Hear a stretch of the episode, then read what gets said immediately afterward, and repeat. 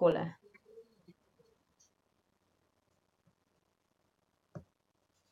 Živijo.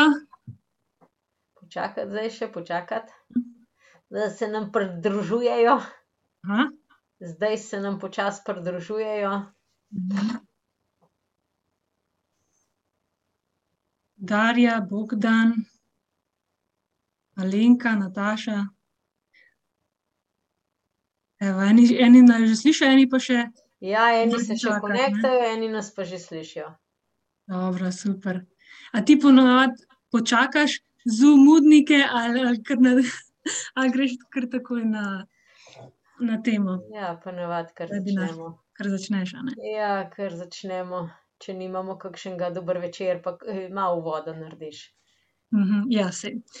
Ja, živijo vsem skupaj, um, ne bomo čakali, da se čisto vsi pridružijo, ker jih je skoraj sto prijavljenih. Tako da, ja, sem zelo vesela, da imamo danes že drugi del pogovora z Nejo. Prejšnjič, 28. februarja, sva imeli prvi del, ki se bo razložila, kaj, kaj je bilo, da si lahko grejo pogledati, a, kaj sva, o čem sva govorili, ampak danes bom kar delila ekran. A, bova govorila o naravnem zdravljenju virusa in poškodb po cepljenju. Kaj točno bova, o čem točno bova govorila? ne? Najprej bova pogledala nekatere, nekatera poročila proti cepljenju, po cepljenju v Sloveniji. In kako na naraven, ups, kako na naraven način a, zmanjšati a, te stranske učinke cepljenja, mi da se bo bolj na COVID cepivo osredotočila, ampak sej, kakor sva včeraj govorila, so stranski učinki nekateri podobni, ampak saj bo več o tem kasneje. In kako na naraven način preboleti virus a, COVID in če sploh obstaja. To je tudi zanimivo vprašanje, ne. A, tako da bi kar začele, kakor sem prej omenila, kaj so prejšnjič govorile, a ne, ker to je na neki način nadaljevanje danes. Govorile sva v bistvu, kako, a, kaj se zgodi z našim telesom, ko prejme tuje snovi, snovi, kot so cepiva, omenjala si tudi a, silikon pa umetne koplje, ampak ja, kakršnekoli tuje snovi v telo, kaj se zgodi na fizičnem nivoju in na energijskem. Pol zelo zanimivo si eh, govorila o tem, um, kaj, kaj se zgodi, ko nekdo doživi stranski učinek. Da je to na neki način izkušnja in da, da je priložnost za osebno rast, in da ni dovolj raz, razstrupljanja, ampak je treba spremeniti način razmišljanja in bolj poglobljeno se vase pogledati, bolj poglobljen pristop, ne, po reakciji. In um, ja, to na kratko, o tem smo govorili, 30 minut, danes pričakujemo, da bo malo dlje, ker imamo kar veliko za obdelati. Um, tako da računam nekaj pol ure za stranske učinke, pa nekaj pol ure za, za COVID, tako da pol pa še vprašanja. Uh, tako da ja, se bova najprej predstavile. Večina me najbrž ne pozna, uh, ker sem pa bolj nova. Ja, to je moj drugi live, no, če si iskrena.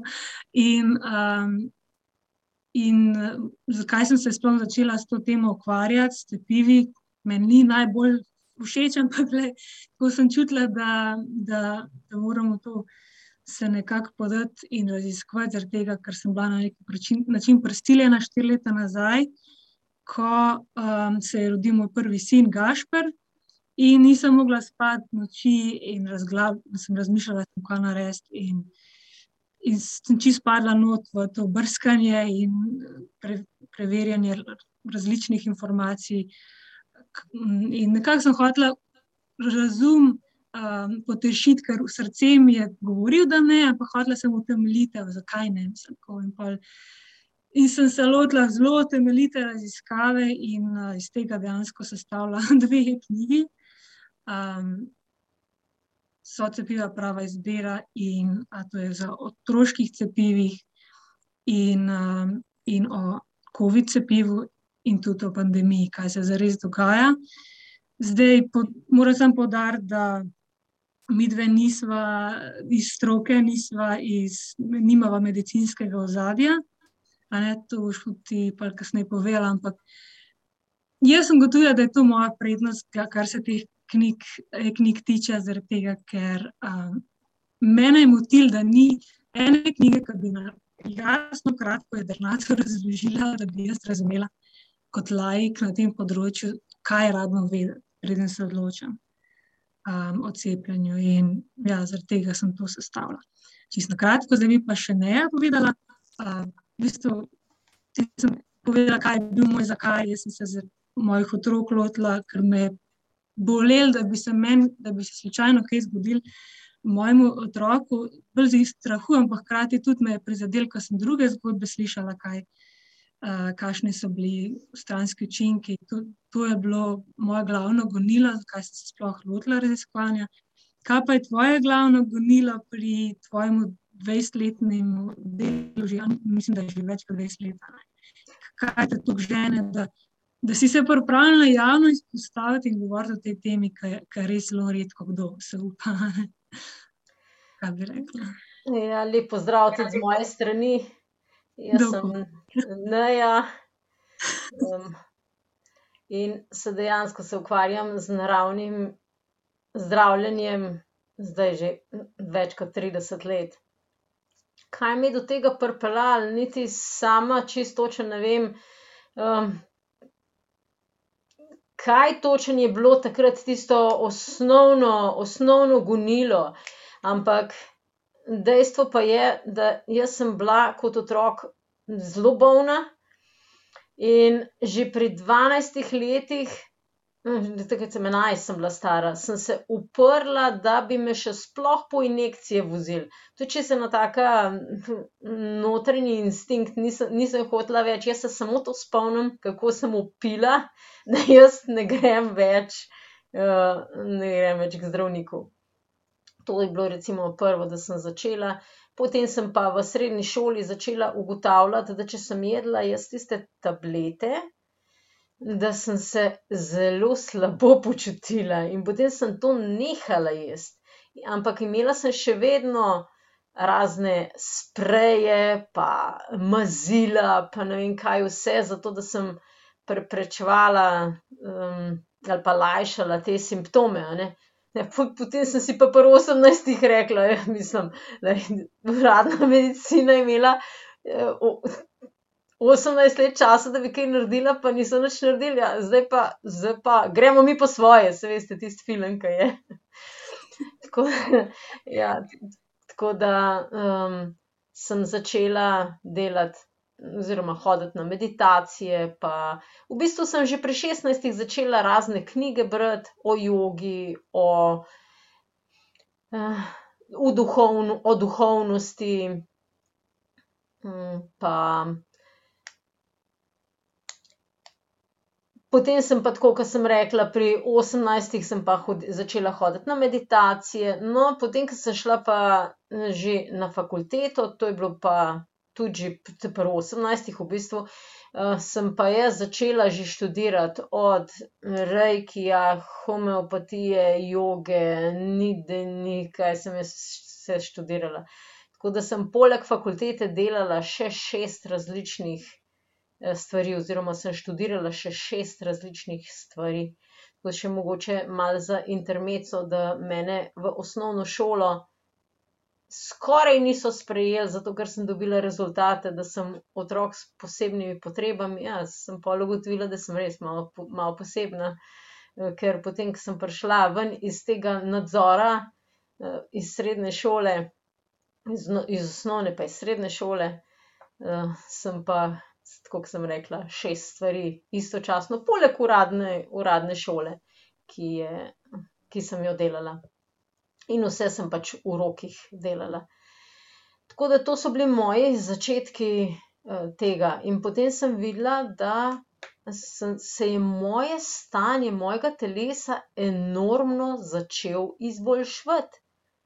In potem samo še ni bilo konca, in ko sem dobila devetindvajset oziroma ne, osemindvajset sem bila stara, ko sem dobila mojo hči, ko sem postala mama, in, še preden sem rodila, sem jaz že naštudirala takrat literature, glejte, to je zdaj štiriindvajset, petindvajset let nazaj ni bilo o cepljenju, ampak glede na to, da sem dosti študirala in kitajsko tradicionalno medicino in ajurvedo in homeopatijo, sem,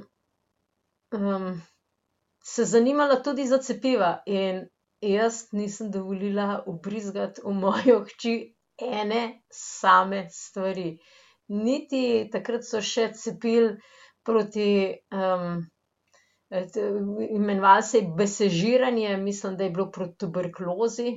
Nisem tega dovolila, nisem dovolila vitamina K, nisem dovolila potem cepljenja, tako da sem bila že takrat zelo ozaveščena, ampak predvsem zato, ker sem ogromno študirala iz tega področja. Tako kot je Urška povedala, tudi moja velika prednost je, da nisem študirala, medicine.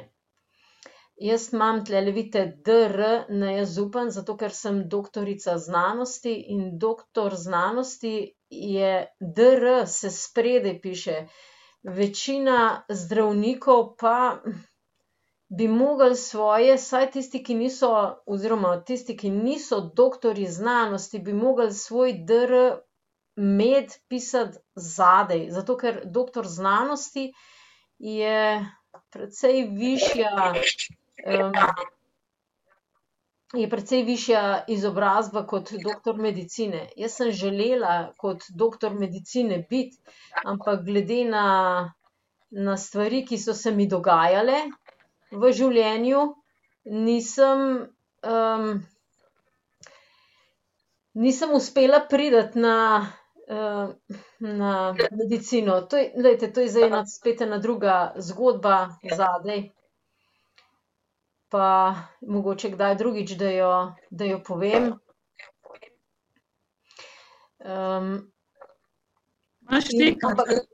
Ja, nekaj, nekaj mislim, nekaj prekinja, ne vem, kaj je to, ampak glej, bomo, bomo speljali, ja.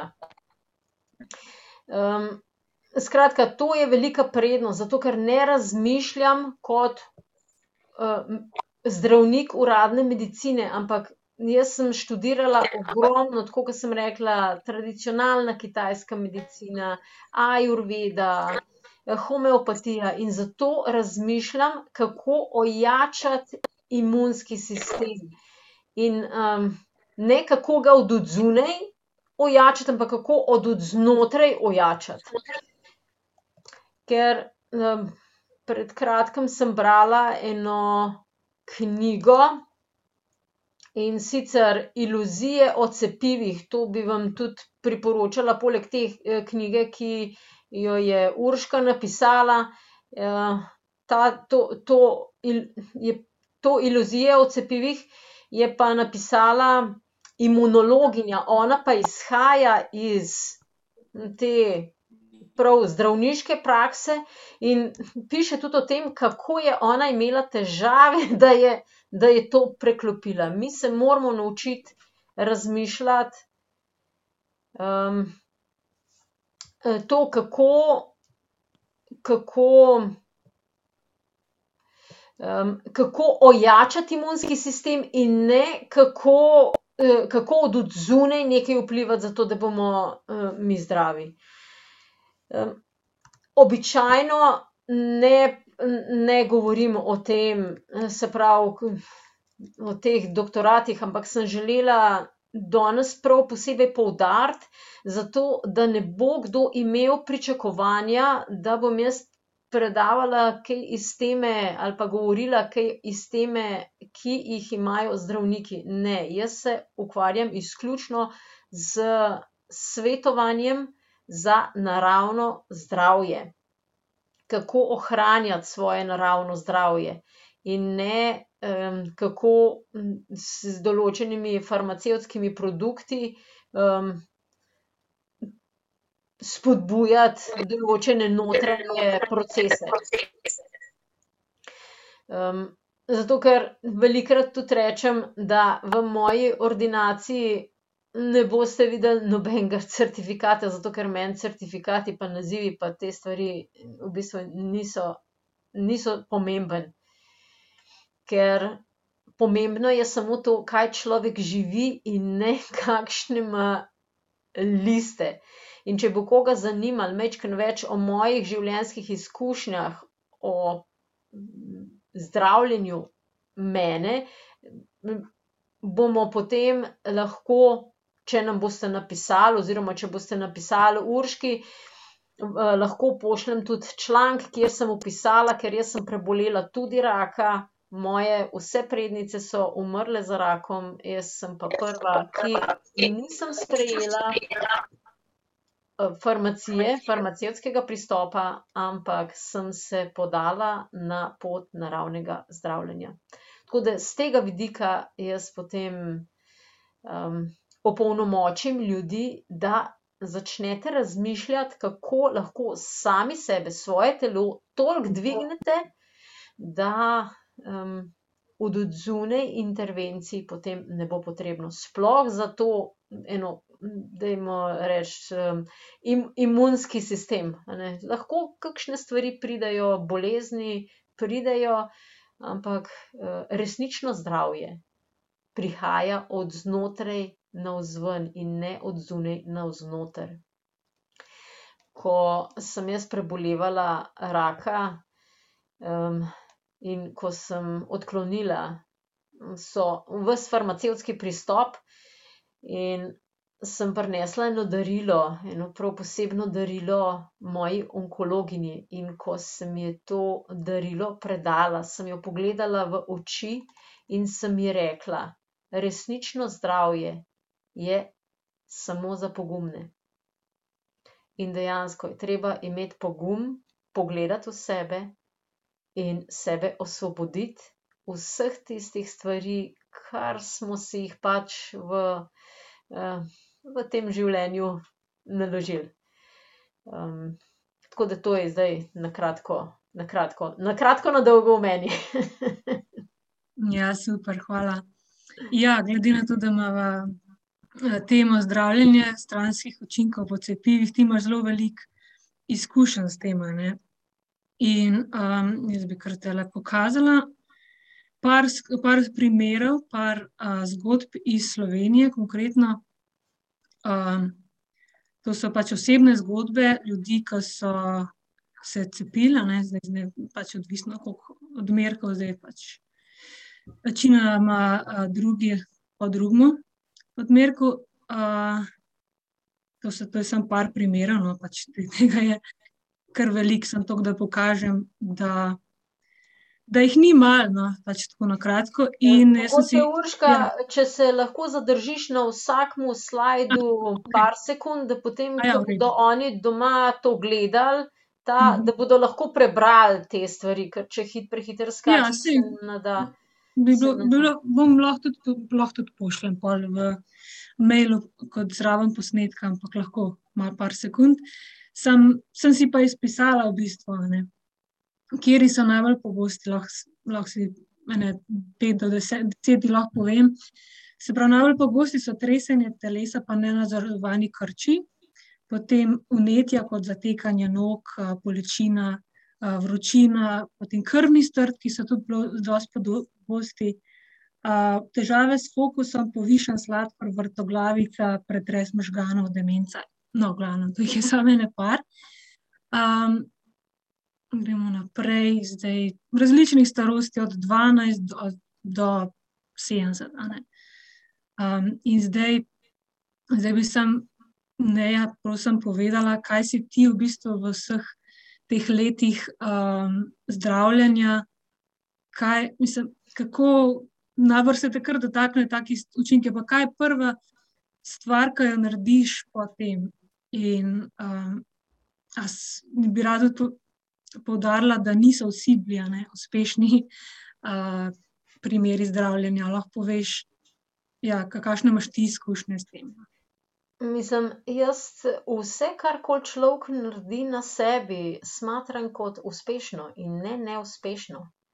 Ne, sama, sama, če, če rečem smrt, a ne, sama smrt, jaz ne bi rekla, da je neuspeh, a ne.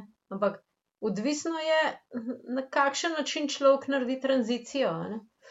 Zdaj, v moji praksi, v, v vseh teh letih, kar jaz delam z ljudmi, glejte, reakcij po, po cepivih raznoraznih ogromno. Zdaj te, te, ki so pa zdaj prišli ta cepiva, so pa zelo, vidim, so krvni strdki, težko dihanje, potem bolečine v glavi, raka sem tudi imela, gospo, ki je imela raka, potem sem imela precej jih je bilo, ki so imeli živčne bolezni, razne tresavice,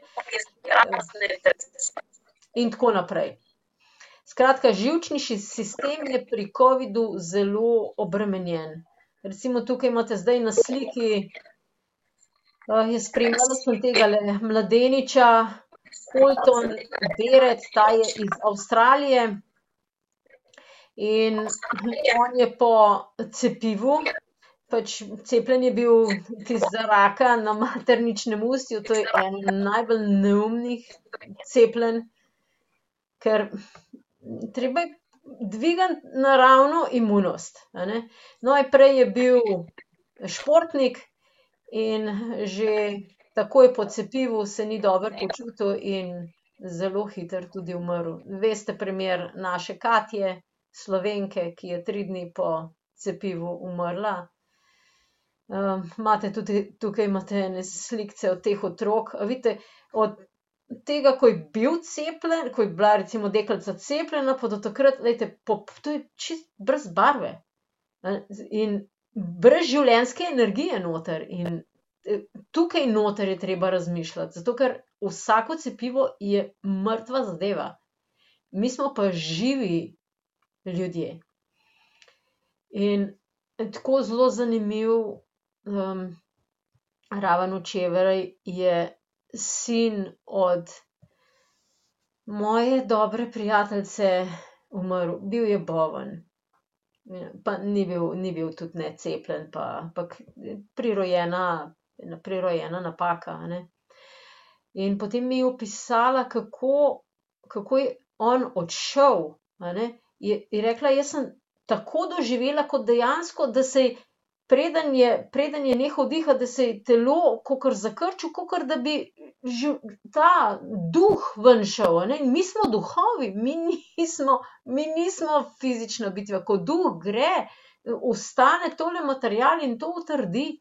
A ne, in je s tega vidika treba razmišljati. da, kako, kako zagotavljati svoje zdravje. Ja, in, in si rekla, da v bistvu fizični pristop sploh ni dosti, a ne. Zdaj, saj imamo mi tule, fizične poškodbe ampak, in energijske, ne, poškodbe, ampak kako se pol, mislim, kaj je prva stvar, ke jo je fajn narediti takoj po, poškodbi? Kako se celostno pač lotiti, poškodbe? In ali je važno, ali je vnetje ali možganska, vem, poškodba, ali je vnetje ali alergija ali je podoben pristop pri vseh teh, simptomih? To bi rada malo razjasnila. Ja, problem, kje se lotiti tega, je tudi celosten. Preden vbrizgajo razne stvari, bi mogli zdravniki, mislim, zdravniki, pač zdravstveni delavci, bi mogli preveriti, ali bo to telo sploh sposobno to presnoviti. Tega ni podanega in glejte, če ima nekdo že predispozicijo, ene genske motnje, potem pa vi vbrizgate noter nekaj, kar v telo šok daste. Ja, potem je, potem je treba tako zelo resno prijeti na vseh nivojih. Od, od tega, da se razstrupla telo, do tega, da, se skrbi za, za energijsko stanje, do tega, da, da je potreben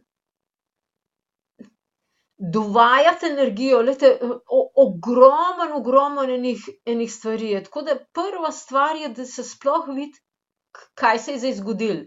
Ker to je približno tako, kot da bi recimo, mi imamo hišo postavljeno, zdaj bom dala en tak plastičen primer. Hišo imamo postavljeno, zdaj pa se bomba noter vrže, pol pa mi gledamo, okej, kakšno škodo je pa zdaj tista bomba povzročila. A ne, zdaj, če je imela hiša res zelo dobro statiko, pa če je imela zidove, ne vem, po en meter debele, ja, bo malo manjša verjetnost, da se bo kaj zgodilo. Ja, če je pa to ena recimo montažna hiša, ja, pol bo pa to vse vse razdejano, ne. No, in dosti podobno je treba tudi telo gledati.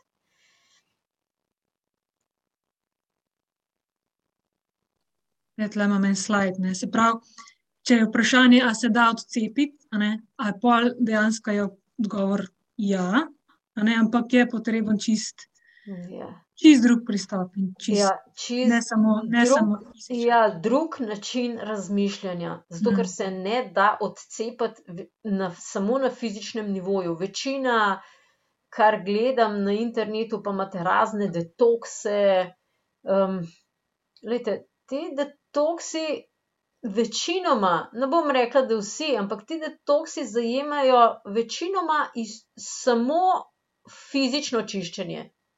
Ampak vi se morate zavedati, da to poškodbo, dajte imeti v mislih to prispodobo, ke sem jo imela, se pravi, hiša, ali je hiša res že trdna ali pa je bila hišica iz kart, pol pa mi bombo not pa razžene vse, a ne. Se pravi, dober arhitekt bo postavil res trdno hišo, ja, malo slabši arhitekt bo pa malo slabšo hišo naredil, zdaj pa, zdaj nočem reči, da so nekateri ljudje slabi arhitekti, eni dobri arhitekti, ampak, način razmišljanja vas naredi trdne ali pa, ali pa šibke. To se pa da, to pa se vsi lahko naučite, in ni tule razlike. Ja, zdaj pa sem jaz dobil, ne vem, take gene pa one gene pa tretje gene pa desete gene pa ne vem, starši so bili taki, ne, v načinu razmišljanja je bistvo. ko vi način razmišljanja, čustvovanja spremenite, ko pritegnete v svoje življenje energijo, boste imeli take debele, debele zidove. Če, rečemo hišo, a ne, in je veliko manjša možnost, da se bo kaj zgodilo.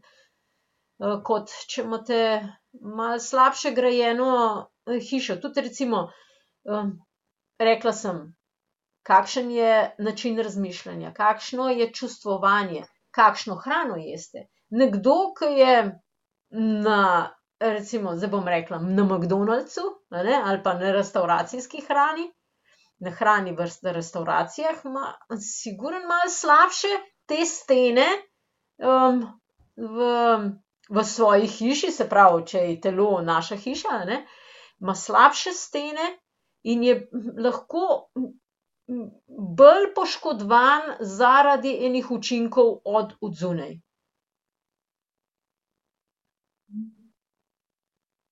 Se pravi, okej, recimo, da damo primer, da nekdo pride k tebi z, vem, možganskim, vnetjem možganske ovojnice, na primer, to je en primer, poškodbe. a to je prva stvar, da ga ti mislim, kakšen je potek in kaj lahko v bistvu sami naredijo, če si ne morejo privoščiti, da grejo nekam? Tule bi lahko, če bi lahko malo razložila. Ja, recimo, če nekdo pride z vnetjem možganske ovojnice, tam je treba vnetje takoj začeti zmanjševati. Jaz rada naredim, sken, se pravi, pogledam, kakšno je stanje v energijah, jaz diagnoz ne delam, ker nisem, zdravnik, uradne medicine, jaz sem, mentor, učitelj, strokovnjak, specialist naravnega zdravljenja. Potem pa recimo, če gre to za otroka, jaz že starše naučim, kako potem doma masirati, zato da se limfa, spodbudi, ker limfa teče po celem telesu. Jaz sem imela v januarju in v februarju sem imela dva webinarja o limfi. Mislim, da so dostopni tudi na naši spletni strani bisernica.si, kjer govorim o visokem pomenu. Res, limfa je, bom rekla, prvi ključ, ki odpre vrata. In limfa čisti vse te vnetja, tudi v glavi, in s tem je treba začeti. Potem pa razne čaje pa, glejte, zelo odvisno od tega, kakšna je tisti sken, kakšni so rezultati tega testiranja, kaj vidim, potem pa svetujem tudi hrano pa katere energijske vaje delati. pa seveda tudi, na kakšen način razmišljati. z Urško, mislim, da sva se pogovarjali, preden sva začeli, oziroma ne, prejle, preden si začela, da, si rekla, da sva se pogovarjali, da vsaka težava je priložnost, in če boste gledali težavo kot težavo in sebe kot žrtev, boste težje rešili stvari, kot če boste gledali na težave, ki se pojavijo, kot na veliko priložnost, da vi zrastete. Da osebnostno in duhovno zrastete.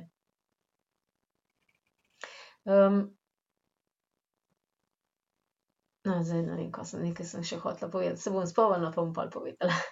No, se pravi, v bistvu je, čakaj, da gre slide naprej. V glavnem, v bistvu je to, kar si hotela reči, da je nujen celostni pristop, ampak na primer, da ljudje ne vejo, da ne morejo si privoščiti skena, kakorkoli, kaj, kako lahko doma pristopijo.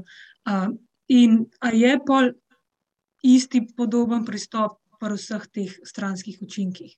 In kako lahko doma, kaj lahko doma naredijo? glejte, če, če so učinki po cepljenju oziroma stranski učinki po cepljenju taki zahtevni, jaz svetujem investirati v svoje zdravje, zato ker in to investicija v vašo prihodnost, in zmeraj rečem, če hočete imeti dober donos, visok donos in varno investicijo, potem investirajte v sebe. velikokrat tudi rečem: fino je, da še preden se karkoli pojavi, da se vi že izobražujete v tem, v tej smeri. Berete knjige, se učite, delate energijske vaje, zato ker takrat, če bo slučajno do česa prišlo, ste vi že opolnomočeni in veste, kaj narediti. Na tak način sem jaz recimo vstopila v izkušnjo raka. jaz sem že študirala prej toliko in toliko časa. In potem ko se je rak pojavil, ja, sem jaz vedela, kaj narediti. In pri, pri hudih stvareh, glejte, lahko lahko iz neznanja še poslabšate. Tako da prva stvar, ki jo doma delate, dajte stimulirati limfo. Piti ogromno vode in zeliščne čaje, ki stimulirajo tok vode, odvajanje vode, kroženje vode, kot je recimo, ne vem, tale bezeg ali pa kopriva. To, to sta dva, dve zadevi. Stimulirati je tudi treba jetra samo. Jetra vsebujejo maščobo in mi ne moremo s čaji maščobo, čistiti. In so postopki, s katerimi lahko očistite maščobo. tako da ja, doma, doma lahko, pa energijske vaje začnete delati, zato da se, da skozi ohranjate to energijo, samo da recimo, eden je napisal, kaj lahko naredi, ali je bilo med tistim naštet, stranski učinek, da je dobil cepivo in da je dol padel. Ja, glejte, to, takoj, v nezavest, in da so ga takoj samo odpeljali z rešilcem, glejte, to, take stvari doma, to je, to je približno tako kot, ne vem, zdaj sem v zaporu, kaj naj naredim, da bom ven prišel, in, zahteva sodišče od vas varščino, a boste varščino plačali ali jo ne boste, da boste prišli iz zapora. A ne, samo razmišljati o tem, da zdaj pa ne bom nič investiral, bom pa samo delal doma, je, je fino se izobraževati, žal, žal, naš, naš šolski sistem ni tako narejen, da bi vas učil o tem, zato smo tukaj kot odrasli, da se mi začnemo učiti, preučevati, študirati, preizkušati. Preizkušati na sebi. evo, ja. Noni, Noni se že oglaša, da se Ja, strinja. Noni se oglaša, ja. Zdaj midve ne bova danes, govorili veliko o limfi, ker je, imaš cel webinar o tem, ke si ga lahko tudi pogledajo, pa obstaja pa tudi webinar iz oktobra dva enaindvajset, ke si tudi ga imela o, o strasih, kjer se je tudi, kar precej eno uro dvajset uro govora, tako da se bova midva danes skušale, čim manj ponavljati. Tukaj so vprašanja, ke so tam, odgovorjena, tudi pač o zeolitu in o, kako se očistiti težkih kovin, kako se lahko sami razstrupimo in kaj, no, v glavnem veliko stvari. Ja, veliko stvari je tam že razloženih, ja. Tako, tako da bi midva šla kar na vprašanja, ke sem jaz direktno jih dobila o stranskih učinkih, po cepljenju in kje pa so. Tako da jih je bilo kar, in jih je bilo kar. Tukaj, tukaj, ja. Evo, okej, ne vem, če bi te prvih dva, no, ampak, a bi kaj komentirala prva dva? Čakaj,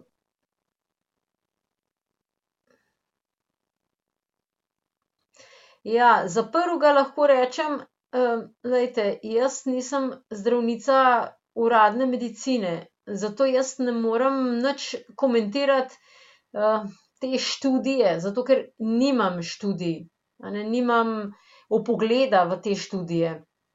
Lahko pa rečem, da spet vse je v energijah, in če energije ni, potem, potem bomo mi zboleli. Tule, tam, ne vem, nekako se bo, nekako se bo to poznalo. pred časom mi ena gospa napisala, mene boste velikokrat slišali, da je vse v energijah, ke energija gre, nismo več živi. Pol mi pa rekla in sem, rečem: "Ko spremenite energijo, spremenite sebe. Spremenite svoje življenje. Spremenite svoje zdravje." Potem je pa ena gospa vprašala: "Ja, a ne spremeniš, energije, ke spremeniš, čustva pa misli?" In sem vprašala: "Kaj so čustva in kaj so misli?" Ker spet, čustva in misli so posledica energijskega toka, ki teče skozi nas. In na isti način je tudi, se pravi, ali gospa ve, a so študiji med prebolelimi šteli tudi cepljenje ali ne, ne vem tega.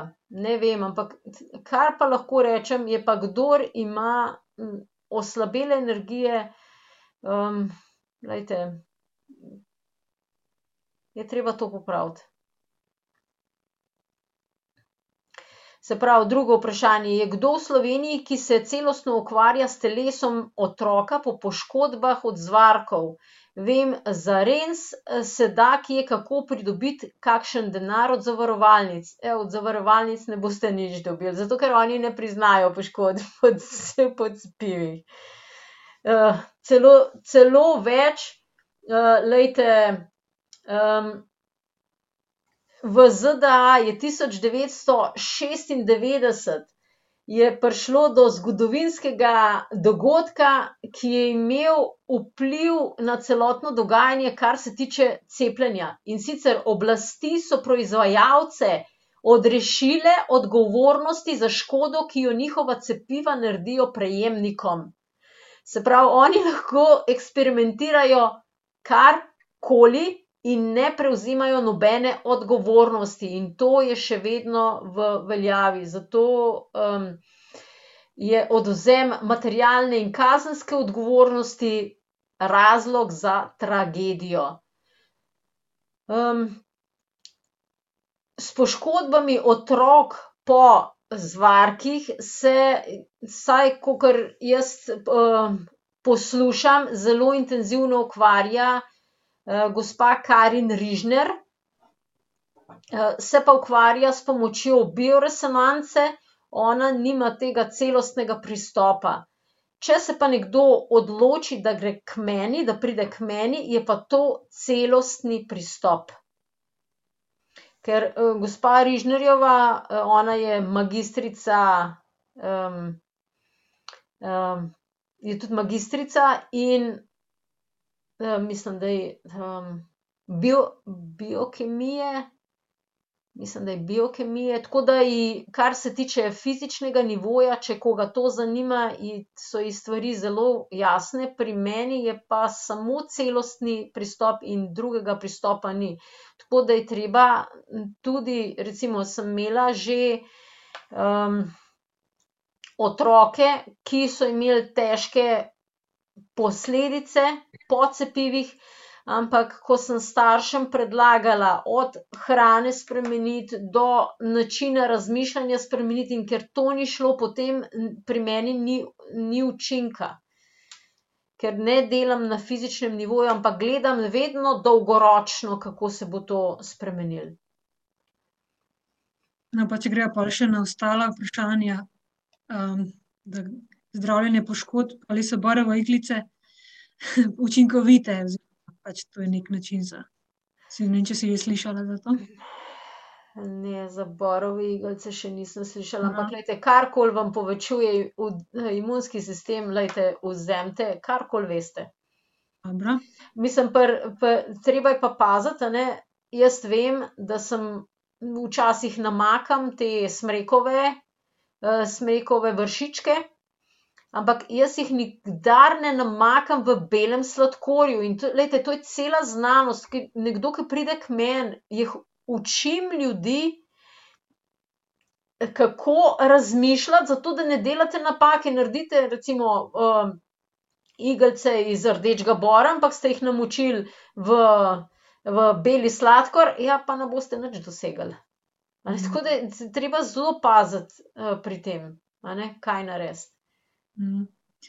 Tem ali je strah pred cepljenjem in COVID-om pomemben za slabšo izkušnjo in večje neželjene stranske učinke? Ja, tlej, odgovor je da. No, ja. Ja. Zakaj?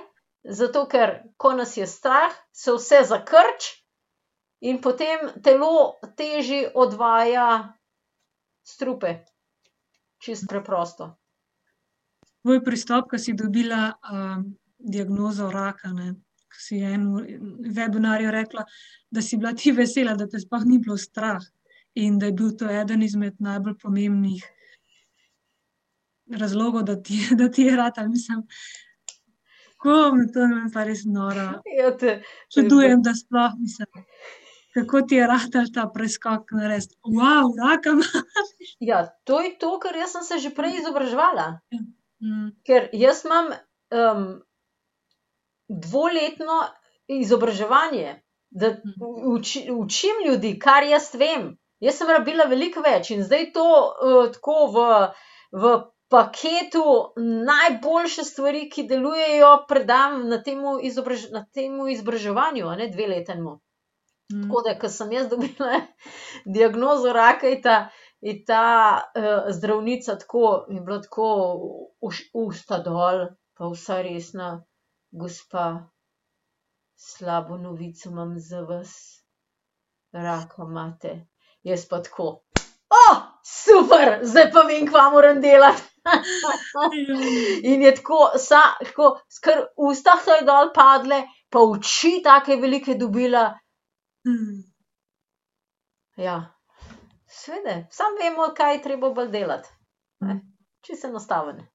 Pa tudi zdaj, ko imaš um, ti veliko COVID pacijentov, mislim, strank, kako koli. Um, tebe nič ni strah, da bi se nalezal, dejansko nisi sploh niti nobenega virusa.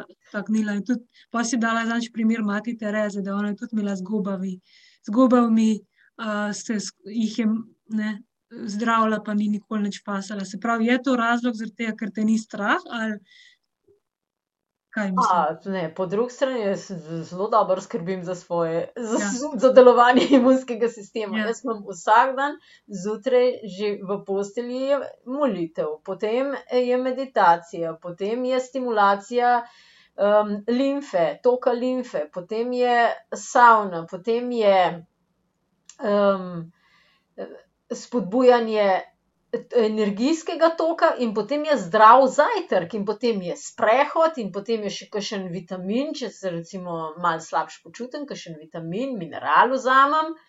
In potem v pravih urah hodim spat, ne jem v restavraciji, kakat hodim normalno, jaz to, jaz to skrbim. Mhm, mhm. Ja, uh, tudi uh, skrbim za to, da so v prostoru dobre energije. Feng Tako shui. Ja, tako da pa, pa, pazim, jaz pazim. Tako kot recimo mati Tereza, ona je tudi, ona je ogromno molila in ona je jedla samo tisto hrano, ki so jo tam kuhala, ne, in da je to, skrbela za svoje energije. Mhm. Ja. Pa pa pridejo rezultati. In Ja. to je dejansko skrb za, za, dober, za del, dobro delovanje imunskega sistema. Ali je po tretji dozi še kakšno upanje? še kakšno Ja. upanje Ved, vedno je upanje, lejte, upanje umre zadnje. Ko umre upanje, lejte, pol nimate več kaj iskati, kot da je upanje. In jaz zmeraj rečem, pri Bogu je vse mogoče. Uh, jaz, uh, jaz sem zelo veren človek. Jaz nisem religiozen, se pravi, ne maram uh, institucijske ureditve, ampak zelo verjamem v, v nekaj, če že pogledate, ne vem, v, v, v nebo, zvečer pogledate v nebo. Ja. Ja, in nekaj večjega okrog nas, nismo mi edini, tep, mi smo kapljica. In um, zmeraj rečem, pri Bogu je vse mogoče. Ali pa če ne verjamete v Boga, v vesolju je vse mogoče. In sam pogumno naprej, samo t- lotiti se, začeti svojo osnov, um, duhovno rast, svojo um, osebno rast. Prej sem se spomnila, kaj sem prej hotela povedati. ne, Od, od tega, ki iz težav, a ne, zdaj imamo, spet težavo, sem se spet spomnila. eh, Moj, eh, moje podjetje ima naziv Bisernica. Biser, kako biser v školki bisernici nastane. Zaide v školko nekaj bolečega, en delček, recimo en um, drobec, pa to školko boli, ampak školka ne reče: A, boli, boli, boli, vzemite mi to ven, vzemite mi to ven, boli, boli. Kaj školka naredi? A Biserovino okrog začne uh, ovijati. In potem pride nekaj tako čudovitega, da potem mi občudujemo ta biser. In isto je recimo, ja, Ja, človek zdaj, je kaj bil. sem danes našla na plaži, ko že govoriš o školski. Ja, no, Ja. In glejte, ne glede na to, tudi če imate, tudi če imate težave, to je vaša priložnost, da ste, boste bisere naredili v življenju. Mhm. Tam spremeniti je treba pač pristopa. Ne? Ja, Ven, ven iz vloge žrtve pa reči, da je nekako prevzeti odgovornost za svoje zdravje, ampak je kar. ja, to To je. pa v tem, dra- kdaj drugič. A, tle se moramo izogibati spolnih odnosov s cepljenimi. Ja, mm. Uh, lejte, eh, danes sva govorili, mogoče, uh, Urška, če daš ti slajd nazaj, kaj energijske poškodbe, da Mhm. tam se mečkan tale, la, ja, ta slajd. Um, z vnosom tujih snovi v telo. V najmu prvem srečanju, ki smo ga imeli z Urško, smo o tem mečkan govorili. Lejte, se, poško, se poškoduje ta, ta energijsko polje okrog nas. Um, in mi nismo edini prebivalci tega vesolja, da ne boste mislili, ne, ne si utvari delati, pa da smo najbolj, najbolj inteligentni pa ne vem kaj. Je okrog nas je zelo veliko bitij obstaja. otroci imajo običajno še te sposobnosti, da to vidijo, ampak starši rečejo: "Ma daj, daj, daj, kaj je tamle škrat, a ne." je. Škrat je tam, če ga otrok vidi, potem je. Ali pa če vilo vidi, potem je, a ne. In vas, vam svetujem, da ne otroke v, v, v svoj vzorec noter dati, ker jaz na, na tem dveletnem izobraževanju, jaz potem usmerjam spet to, da boste vi videli stvari, ki so okrog, kar se dogaja. No, in ko vnesemo tuje snovi v telo, je naš, naše polje poškodovano in vstopajo energije, ki mogoče niso glih najboljše. In pri intimnem odnosu prihaja do, do izmenjave energije, do izmenjave čisto na telesnem nivoju sokov. tako da, če mi seveda to delamo kot, spet kot v, da se veliko očistimo, tudi energijsko, potem bo velika verjetnost, da se nam nič ne bo zgodilo. Če pa mi kar tako brezbrižno to delamo, ne, in vstopamo kar z enim pa z drugim pa s tretjim v te spolne odnose, ne, ja, potem je pa večja verjetnost, da bomo kaj pokasirali preko tega intimnega odnosa. tulele na tej slikici vidite, ne, kako so prekinjene, te mislim, kako je prekinjen ta naš avrični polje, kako so določeni, določene energije že vstopile in se potem tako se nalepijo na nas in energijo črpajo. mogoče je za kakšnega to malo težje sprejemljivo, te stvari, dojeti ali razmišljati na tak način, ampak glejte, to je dejstvo, mi nismo edini prebivalci tega vesolja. Tako da poslušajte, sploh tisti, ki imate majhne otroke, recimo moja hči se je velikokrat tako kar zazrla v, v kakšen kot pa se je smehljala v tisti kot noter, a ne, ja, zato ker je videla. A ne, samo je treba spodbujati. Ohranjati pravzaprav, zato ker imajo otroci še stik. Okej, se pravi, če prav razumem, a se pol zaščitimo na tak način, da najboljše možno celostno skrbimo zase in... Ja, ja, to je to, ja. To je to. Da nas, pa da nas ni strah, ne. Ja, ja, ja, ja, saj to je celostna skrb, glej, celostna skrb je na fizičnem nivoju, je na čustvenem nivoju, je na umskem nivoju, je na energijskem nivoju in na duhovnem nivoju. Na duhovni nivo peljem ljudi šele, ko so pripravljeni, ko jaz, pripeljem jih do, do načina razmišljanja, da jih lahko peljem naprej. Se pa da. Ja.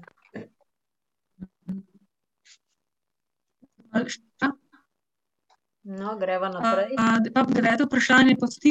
Cepljenjem sem imela nenadne menstrualne krvavitve pa moža začeli trgati, po križu. Pol ga pa tudi mene zgrabilo. v glavnem Simona hoče vprašati, kaj, zakaj ima te, zakaj ima te težave ko Ja, se je... to sem zdajle ravnokar razložila. Če oseba, če ta, ki je to, napisala, ta gospa nima, ni bila cepljena, je samo v stik prišla, glejte, so bile energije, ni, ni drugega, a ne. Zato jaz, k meni sploh veliko ljudi prihaja k meni na obravnavo, ki imajo covid. Ampak tako kot sem rekla, jaz skrbim za sebe.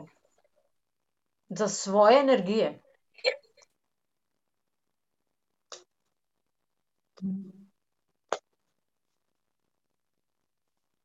Tako da, glejte, samo skrbeti za sebe, za energijo, očistiti telo, A ne, zdaj,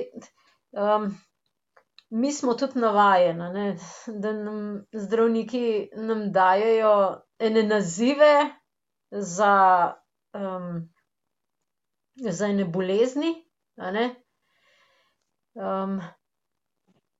ampak je treba globlje pogledati, kaj je, kaj je vzrok, da da je do tega, ne, ne samo tiste simptome. to je zdajle, pazite, tole je zelo zelo zanimivo. Štirinajst dni nazaj približno sem napisala en, en poglavje, za eno knjigo, ke pa žal so zdaj rekli, da ne bo objavljena, tako da bom jaz kar sama naredila knjigo in bo dostopna ta knjiga tudi. sem napisala, da, to se nanaša pa tudi, ke je bil, eno vprašanje je bilo, da, virusi ne obstajajo in da se te simptomatike pravzaprav simptomatike zastrupitve. Ja, virusi ne obstajajo, ampak a obstaja, a obstaja rak ali imamo mi samo naziv za simptome, ki jim rečemo rak? naziv za simptome, ki jim rečemo, povečan holesterol, ampak zadaj za tem je določen način razmišljanja, določen način čustvovanja, določen način prehranjevanja, določen način življenja, ki je pripeljal do teh simptomov. Zdravniki oziroma medicinsko osebje daje samo nalepko. In seveda ljudje za covidom zbolevajo. In nalepka, ime tega je pač virus. recimo, prebivalci iz Amazonije, te plemenska ljudstva, oni pač rečejo tem energijam pa nema. Pač ime, a ne, ime, da se nekaj začne dogajati, in potem se telo, eden se tako odzove in eden se tako odzove, eden se tako odzove, tako da, bolezni, imena bolezni so samo nalepke, ki smo jih dali za določene simptome. Zadaj je pa cel sklop in, jaz učim na teh izobraževanjih, kako razmišljati, da boste vi prišli do vzroka, ne da boste simptome odpravljali.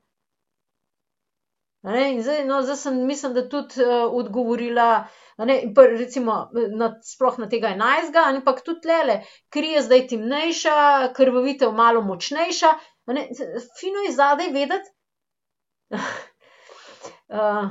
kaj je vzrok tega, zakaj je prišlo, zakaj, tudi če je prišlo do energijskega neravnovesja, kaj je dovolilo v tej dami, da se ji ta energija zanihala, da so se ti simptomi pojavili.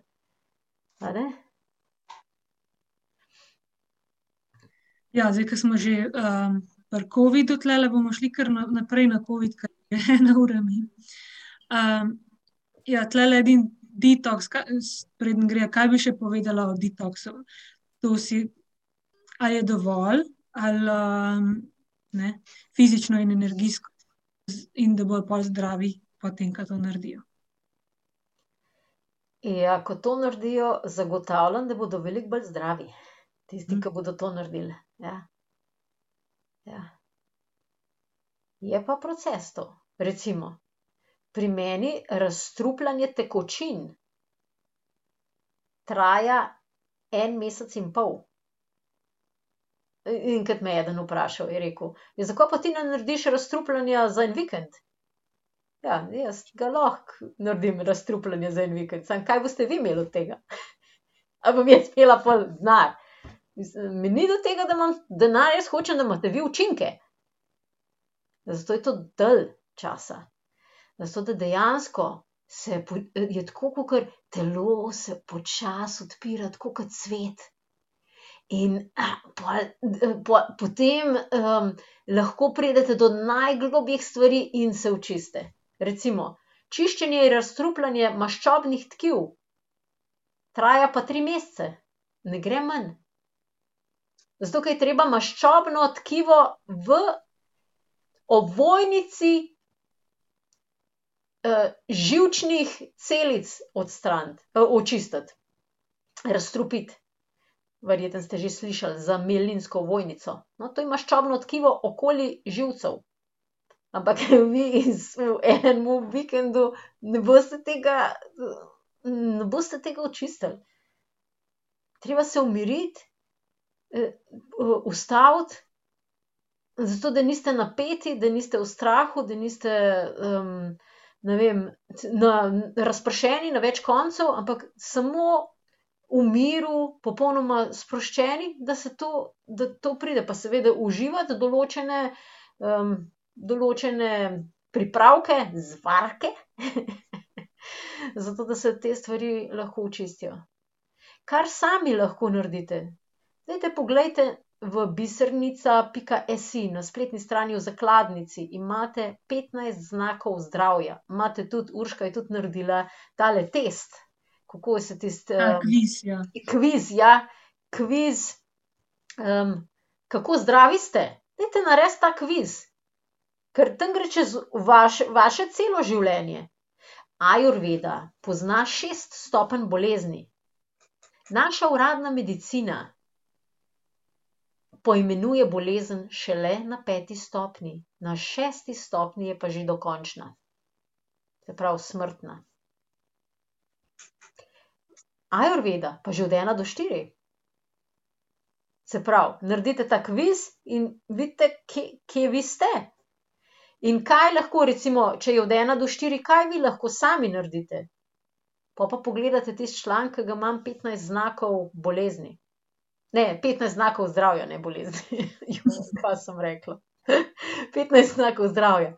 A, a, a je tisto, a tam že vse obkljukate? In ko boste tisto vse obkljukali, boste sigurno veliko bolj zdravi. Tako da, glejte, počitek, hrana, pijača. In pijača meni rečejo, ja, pol pa pijem, saj pijem čaje cel dan. Piti čaje cel dan ni, ni v redu. Zato ker čaji imajo, zdravilne učinke. Pol mora vaše telo skozi delovati, skozi eno zdravljenje. Ja, čaji so takrat, ke, ali imate kakšen obred, recimo, da si privoščite, a ne, tako, da se usedete, ali pa, da imate razstrupljanje. Ali pa zdravljenje. Sicer je pa voda. Navadna voda. Ne, pa mi rečejo, ja, saj popijem dosti tekočine pa juhe pijem pa sokove pijem pa da telo dobi vodo iz, iz juhe, iz sokov, iz, drugih napitkov. Glejte, mora energijo vložiti in vi, vi izgubljate energijo, ke to pijete. Ko pa popijete vodo, jaz imam, vidite, skozi imam vodo tulele, jaz skozi srebam. Ke pa popijete vodo, gre pa takoj v možgane. In bo možgane takoj začelo čistiti. Pa kavo tudi odsvetuješ, ne? Ja, kavo tudi itak. Še eno energijsko, vajo, jutranja kavica. Ja, ja, imam energijsko vajo, ja, jutranja kavica. Ja, tako da... Zakaj pa kava slaba samo na hitro, preden gremo na covid? Ja, zato ker, ima diuretični učinek, to pomeni, da odvaja ogromno, ogromno vode in vi dobite običajno zraven, kavo naročite, še zraven vodo. In ker stimulira, nadledvično žlezo, vi ko popijete kavo, imate adrenalin noter, ampak to je treba plačati pol. A ne, telo mora potem to kompenzirati, nadomestiti, pol pa reče, Imaš tiste padce, ja. Ja, po, pol pa reče, ščitnici: ščitnica, daj mi, daj mi malo več energije, zdaj mi je že zmanjkuje." Ščitnica reče: "Ja, ne morem, ne morem, zato ker želodec ne dela, nič ni ognja noter." Pol pa reče nazaj jetra: "A veš kaj, dajmo mi vse skupaj, zdaj ke to nič ne dela, dajmo zdaj mi majhno ugasniti vse skupaj." In mi smo konstantno pol zmatrani lahko. In, in a vidite, to je, to je zdaj samo cikel, Kaj pa alkohol, je tudi podobno? Ja, to tudi ni alkohol ni primeren, zato ker, poškoduje možganske celice. Ima alkohol, ima določene koristi na fizičnem nivoju, ampak na energijskem vam podre vse stvari. Razen če vi spet, spet to jemljete tako kot zdravilo. Da noter recimo, kaj je tisto, en, ke je poln enih rož noter, ne vem, kako se že imenuje. Grenčica pa Ja, Jägermeister. grenčica, no, grenčica recimo. Ja, grenčica. Ampak to spet samo eno obdobje, da to ni skozi. To je takrat, ke se zdravite. Zato ker grenčica pomaga, jetram, da se očistijo. Ja, no, in tulele imamo zdaj, ke smo že pri grenčici, se pravi, okej, gremo na covid. Se pravi, ti si, okej, dajmo na en to vprašanje, ke imamo tule. Ali obstaja ali ne, se pravi, to si prej govorila s, s tem, da, s to teorijo, kaj že, Behampova, ne. Ja. Mikroba. Ja. Prav to ne rabimo ponoviti. Ja, na to sem že odgovorila, ja, tako da, da je treba tako malo, malo bolj široko gledati, ker to so samo nalepke. Ja. Se pravi, ni dokazov o virusih kot povzročiteljih bolezni. Ja, ja. Nalepka je. Pač ne vem, saj poglejte, ne vem, pa peta bolezen pa šesta bolezen, ne vem, imamo zdaj sedma bolezen, ki jo imajo otroci, ampak, tudi ni, ni zadaj, to so ene virusna obolenja, ke nalepka je, pa določeni simptomi se vidijo na telesu, pa rečejo, otrok ima peto otroško bolezen. Pa šesto otroško bolezen. Ti dve vem, da obstajata, ki jih je imela moja hči. Ja, to so samo nalepke. Ampak je bil pa umetno ustvarjen ta covid ali, ali kaj, kaj ti tulele imaš kakšno mnenje?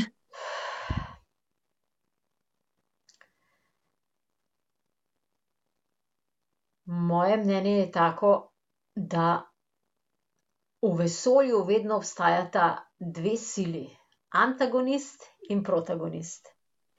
In samo z gibanjem, s premikanjem obeh mi lahko napredujemo. Saj če, če že samo to pogledate, glejte, bom jaz dala mojo roko.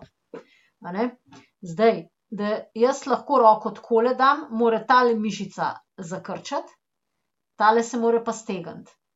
Če, če se ena ne bi istočasno stegovala pa ena zakrčila, jaz tega ne bi mogla narediti, a ne.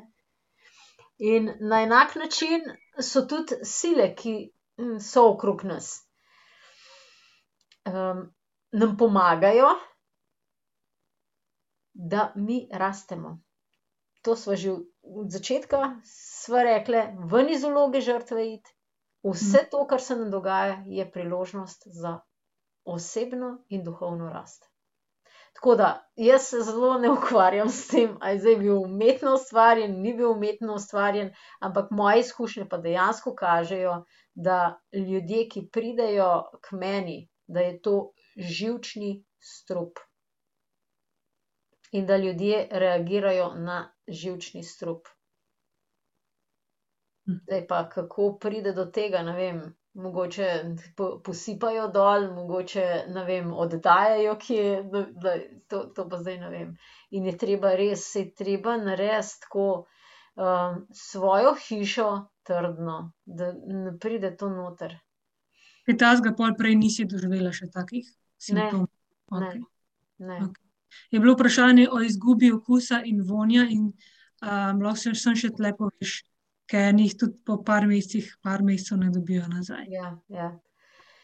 Pri okusu in vonju imam zelo dobre izkušnje, ko se začne stimulirati limfa, se strupi začnejo odplakovati iz telesa in se vonj pa okus hitrejše, povrneta.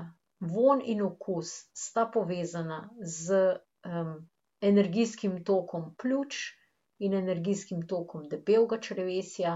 Se pravi, tudi energijske vaje pa dihalne tehnike bodo veliko pomagale, zato da bo se okus precej hitrejše vrnil. Moje izkušnje so, ko pridejo ljudje, približno trikrat, štirikrat k meni, je vse funkcionirajo normalno. Ker, kaj je povezano z elementom zemlja, ko si včeraj rekla, okus ali vonj? element zemlja je tudi okus, ja. In Ja, to je pa, pomeni- to je pa prebava, glej, to je, to Prebava, ja. je, to je, ja, to je izločanje, ni izločanja, no, skratka. To treba poštimati. Ja. Ja. To je meni tako zanimivo, kaj je vse tako povezano. Je in- vse je povezano uradna medicina pogleda samo, uh, samo, ne vem, tiste simptome, pa tiste simptome poskuša odstraniti. Ampak, Ja. ja, kaj je pa povzročilo tiste simptome? Ja, tako da.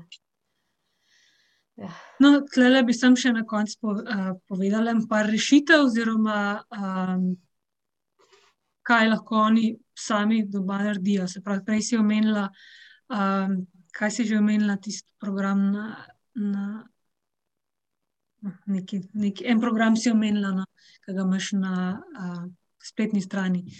Ampak poleg tega imamo pa, se pravi, preprosti nasveti za zdravje so bolj za simptome, ne, si Ja, to je bolj za simptome. Ja. energija in stebro, če pa lahko malo predstaviš, no? kaj, kaj, kaj, Ja. kaj, kaj je za COVID, kaj je za stranske učinke.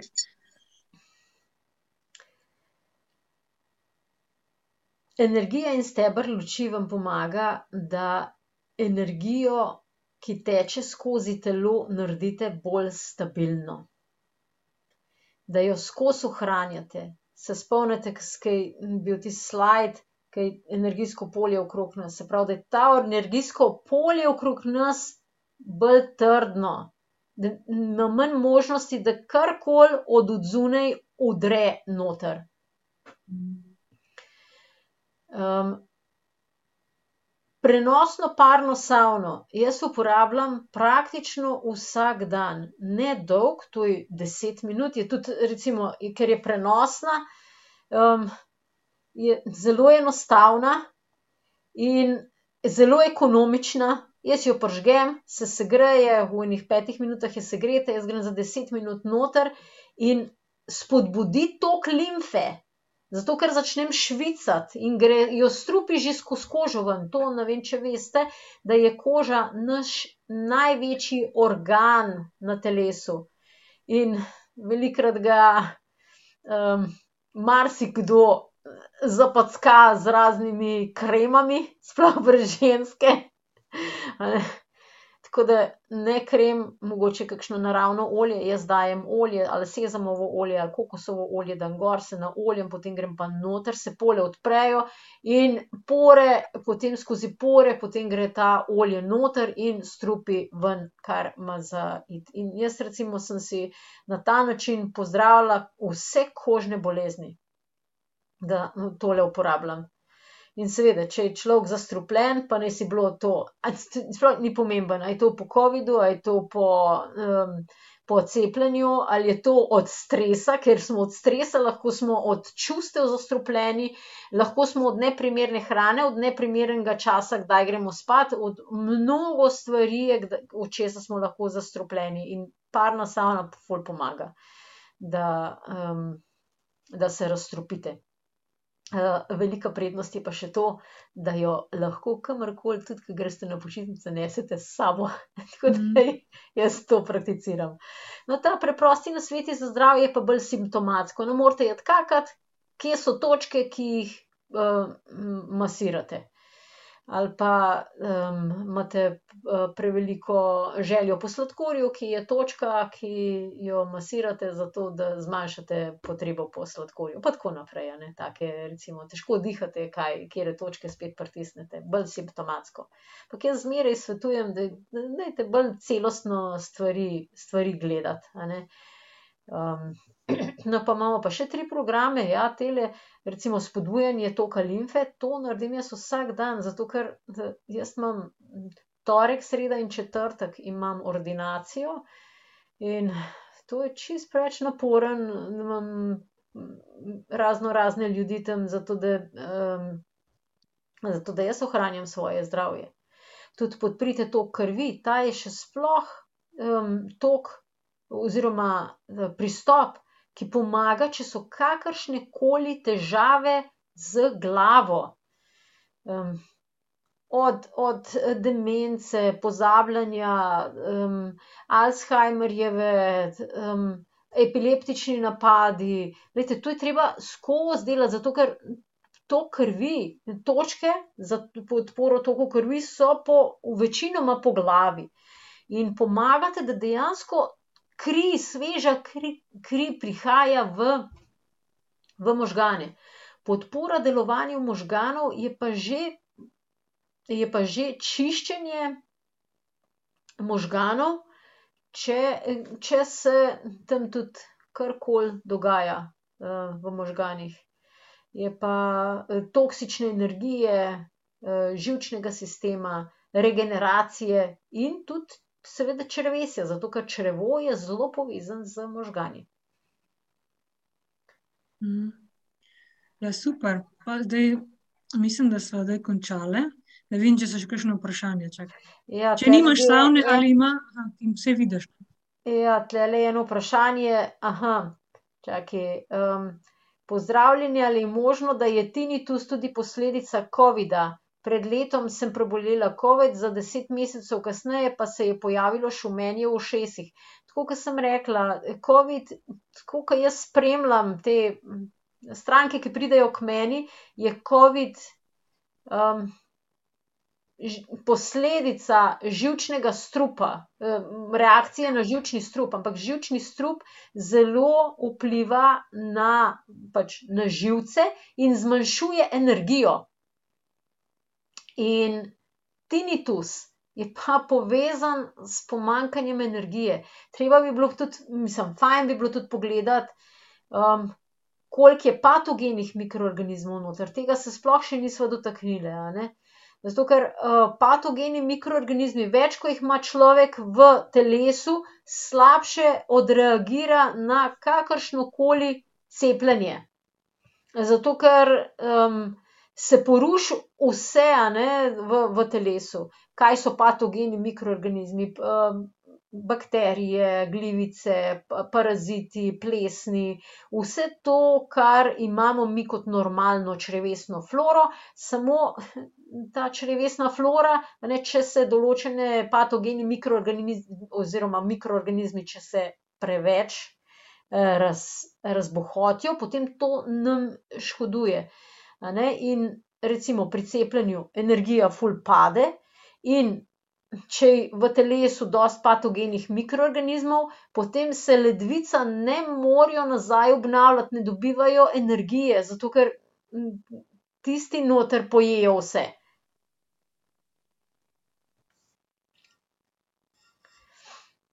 Potem je pa še eno vprašanje, čakaj. Če nimaš savne, ali ima podoben učinek tudi izmenično tuširanje s toplo in mrzlo vodo? ima. Zdaj, glej, stvar je taka, spet je od konstitucije odvisno.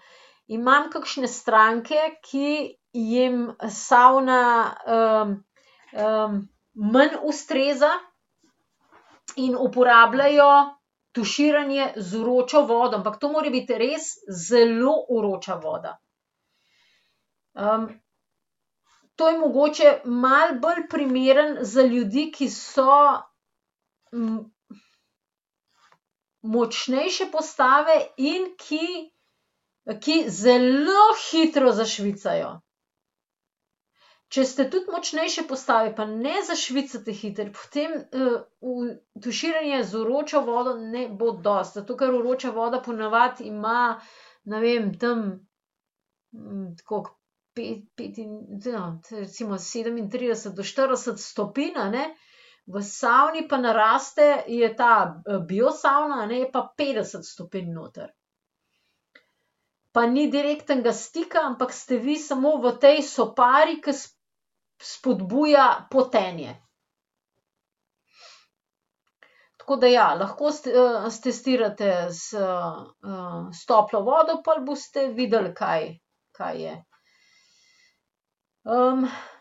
kako si pomagati pri dolgotrajnem kašlju po prebolelem virusu covid?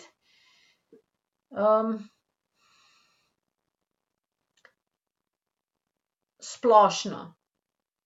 Spodbujajte tok limfe, inhalirajte in spodbujajte tok energije skozi pljuča in debelo črevo. Ker so jaz na teh mojih izobraževanjih, na tem dvoletnem izobraževanju, na dva dela je razdeljen, in sicer prvi je postani mojster zdravja, drugi je pa osebni transformacijski izziv. Učim vse te točke, najdete pa precej tega tudi v teh programih, ki jih je Urška predstavila. Ja, saj bom zdajle link, linke poslala, če bo kdo hotel si shraniti. Ja. a sva pol vse odgovorili ali imaš, a imaš še kaj? Ja, tulele ni več vprašanj. tulele so linki. Glejte, na desni strani v chatu noter imate zdaj vse linke, ampak te linke lahko tudi pošljemo potem na, na email. Ni, ni lepega presledka, čakaj, bom še enkrat. Da je boljši presledek. Ja, glavnem, Ja, Urška, ke ke bojo šli dol, itak tega chata no, saj, če si bo kdo, če si bo Ja. kdo shranil, Če če si ne bo kdo zdajle shranil, ja, drugače Ampak pa dajva ne. zdaj zaključiti, ke zdaj je že kar ura dvajset. a bi še kaj za konec rekla? A imaš kakšno posebno, sporočilo ali sva vse obdelali? Ja, sva kar, kar mislim, da Ja, so če bile bi- kar temeljite, jaz, Ja. jaz svetujem, da se orientirate na, ko razmišljate o zdravju, da razmišljate o tokovih energij skozi vas in skrbite za tok energije. To je, to je, to je toliko pomembna stvar, ki jo nobeden ne govori. Pa že čisto uradna medicina, mogoče če je kdo, če je kdo med vami, da ne verjame v te energijske tokove, ampak to je že čisto, to so znanstvene študije narejene, ko so na akupunkturnih točkah na telesu so merili prevodnost. In prevodnost se spremeni na akupunkturnih točkah.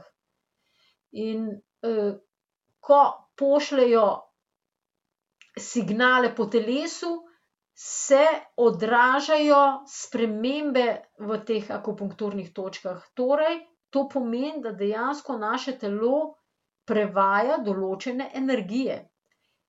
Itak pa, če pogledamo, imamo EKG, EEG, pa kaj še, EMG. glejte, to vse električne signale noter v v našem telesu merijo. A ne, in poskrbeti za te energije, da tečejo dobro. Predvsem pa imeti se fajn, ne, saj tako, če bi vsak delal tisto, čim več tistega, v čemer uživa, ne vem, ali je to ples ali je to petje ali je to biti v naravi, po bi se avtomatsko več, pretoka vzpostavilo tudi, ne. to pa sigurno, glej, to recimo, jaz sem povedala pač čisto s tega vidika, kaj lahko recimo nekdo naredi, da skrbi vsakodnevno, ampak vsakodnevno sem tudi, jaz skrbim za sebe, sem rekla, vsak dan je sprehod. Ne. Vsak dan je dobra hrana. Počnem stvari, ki jih rada počnem. če recimo, velikokrat potem mi rečejo: "Ja, pa ne morem početi samo tistih stvari, ki jih rad počnem." Okej, res je. Včasih tudi jaz. Včasih ne moremo početi samo tistih stvari, ki jih radi počnemo. Ampak se pravi, da nimamo izbire, ampak kaj imamo vedno izbiro? Da izberemo odnos do tega, kar počnemo. Se pravi, če jaz tudi počnem nekaj, kar mi mogoče v tistem trenutku ni glih najbolj všeč, če jaz to delam z veseljem pa z naklonjenostjo do tistega, kar počnem, potem bo energija tudi tekla. Zelo lepo si to povedala za na konec. Da naslednjič, kakor sem že prej rekla, bi rada imela, webinar o razreševanju, čustvenih blokad, prepričanj, um, sproščanju teh starih vzorcev, ker to je res eden zelo pomembnih pogojev za zdravje. Ne? Tako da, ja, bo nekako skladila termin. Ampak hvala vsem, ki ste nas spremljali. Če boste imeli še kakšno dodatno vprašanje, lahko na mail, uh, boste pa dobili tudi pos posnetek v naslednjih uh, dneh. Da, pa posnetek lahko pošljeva še od tistega prejšnjega najnega pogovora, uh, pa še tistega, ki si ga imela v oktobru, tisti webinar o stranskih učinkih. Da, evo, če pa to ni dovolj za, pa, pa, pa je to pa res celostno izobraževanje. Pa, da, ampak je potreben čas, kot za zdravje, si je treba čas, čas vzeti. Ja. Boljš bolj zdaj, kot pa pol kasneje, ki si izbral. Točno to, točno to. Ne čakati. Ne, ne, čakat. ja. ne, jed, uh, ne jed brez vode v Saharu pa pa sred sahare, o, oh, zdaj pa nimam vode, kaj pa naj zdaj naredim. Mm. Velja. Hvala vsem, pa se vidimo naslednjič. Hvala, hvala vsem. Adijo. Adijo. Čau, čau. Adijo.